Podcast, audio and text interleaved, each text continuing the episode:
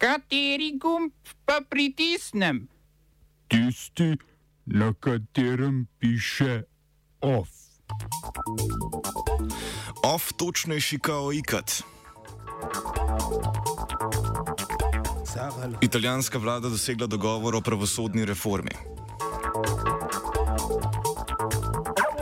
Parlament na Novi Zelandiji o prepovedi konverzijske terapije. V Hongkongu preiskava zaradi protestiranja med predvajanjem kitajske himne.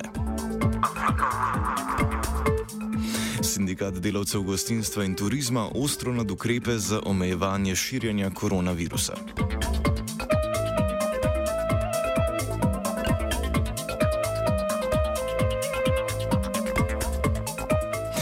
Dobr dan. Italijanska vlada je dosegla dogovor o reformi pravosodja, ki so ji nasprotovali v vrstah koalicijske stranke Gibanja petih zvest. Vlada je želela z reformo pospešiti sodne postopke in zmanjšati sodne zaostanke, s čimer bi zagotovila pridobivanje sredstev iz Evropskega sklada za okrevanje. Gibanje petih zvest je reformi nasprotovalo zaradi določila o samodejnem končanju sodnega postopka, čeprav normočna sodba ni izrečena v določenem časovnem obdobju. Vladne stranke so na zahtevo koalicijske partnerice dosegle konsens, da določilo ne bo veljalo za zločine povezane z organiziranim kriminalom, terorizmom, spolnim nasiljem in trgovino z mamili. Italijanski premijer Mario Draghi je po vladnem sestajanju napovedal, da bo glasovanje o reformi vezal na zaupnico vladi.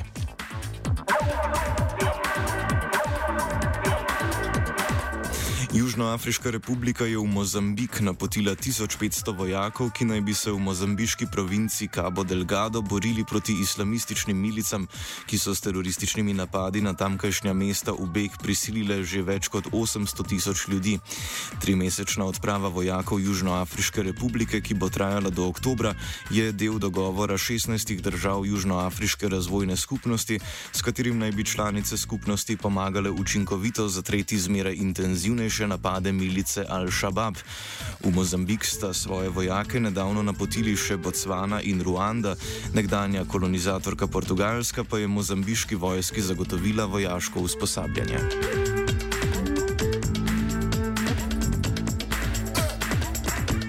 Tunizijski predsednik Kais Said, ki je po odstavitvi vlade in razpustitvi parlamenta zanikal očitke o državnem udaru, je na mesto ministra za notranje zadeve imenoval nekdanjega svetovalca za nacionalno varnost Rida Garsaluja.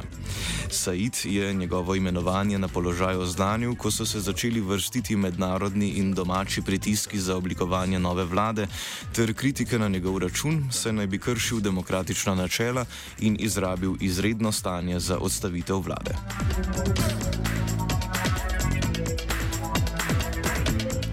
Hongkonška policija preizkuje incident, ki se je zgodil v nakupovalnem centru v Hongkongu, ko je nekaj sto ljudi zaradi predvajanja kitajske himne ob zmagi hongkonškega sabljača na olimpijskih igrah v Tokiu glasno skandiralo proti predvajanju himne. Na posnetku, ki je zaokrožil na socialnih omrežjih, je množica med predvajanjem himne upila Mi smo Hongkong. Kitajska je namreč v Hongkongu implementirala zakon o nacionalni varnosti, pod zakonom pa je za zaničevanje oziroma žaljenje himne zagrožena zaporna kazen treh let in denarna kazen v vrednosti dobrih 5000 evrov. Med skandiranjem naj bi nekateri od udeležencev izobesili tudi zastavo nekdanje kolonialne matice Velike Britanije. Do incidenta je sicer prišlo v tednu, ko so kitajske oblasti obsodile prvega kršitelja omenjenega zakona o nacionalni varnosti. Thank you.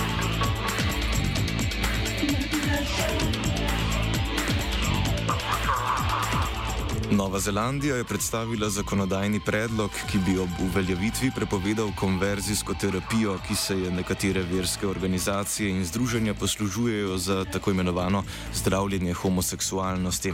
Predlog kriminalizira izvajanje terapevtskih postopkov na osebah mlajših od 18 let, za kar je predvidena zaporna kazen do 3 let. Kazen največ 5 let pa je zagrožena za povzročitev znatne škode med izvajanjem konverzijske terapije, neodvisno neodvisno od starosti. Pričakovati je, da bo novozelandski parlament, v katerem ima večino socialdemokratska stranka premijejke Jacinde Ardern, potrdil zakonodajni predlog. Konverzijska terapija je sicer legalna v mnogih delih anglosaškega sveta, med drugim v Združenem kraljestvu in posameznih ameriških zvezdnih državah.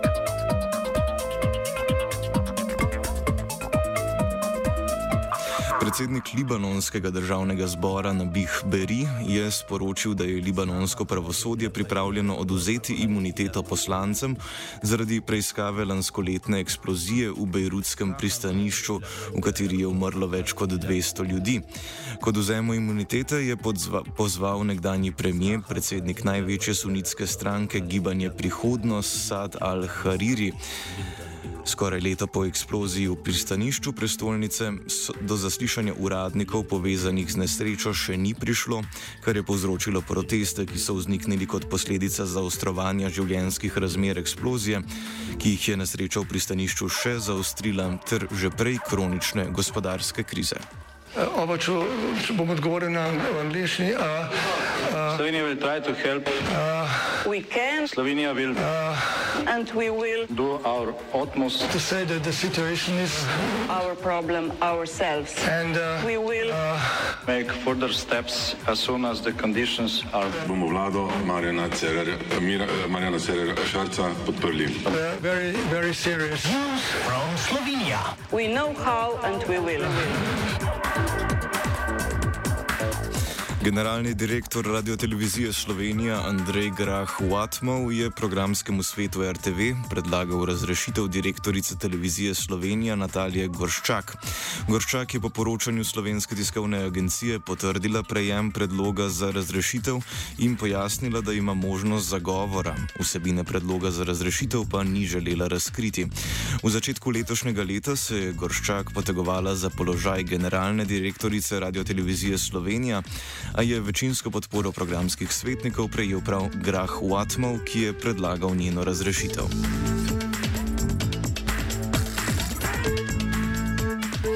V sindikatu delavcev gostinstva in turizma so na varuha človekovih pravic Petra Svetino naslovili pismo glede zaostrovanja ukrepov za omejevanje širjenja koronavirusa, ki z delitvami na cepljene in necepljene povzročajo nezadovoljstvo in razdor med zaposlenimi v sektorju.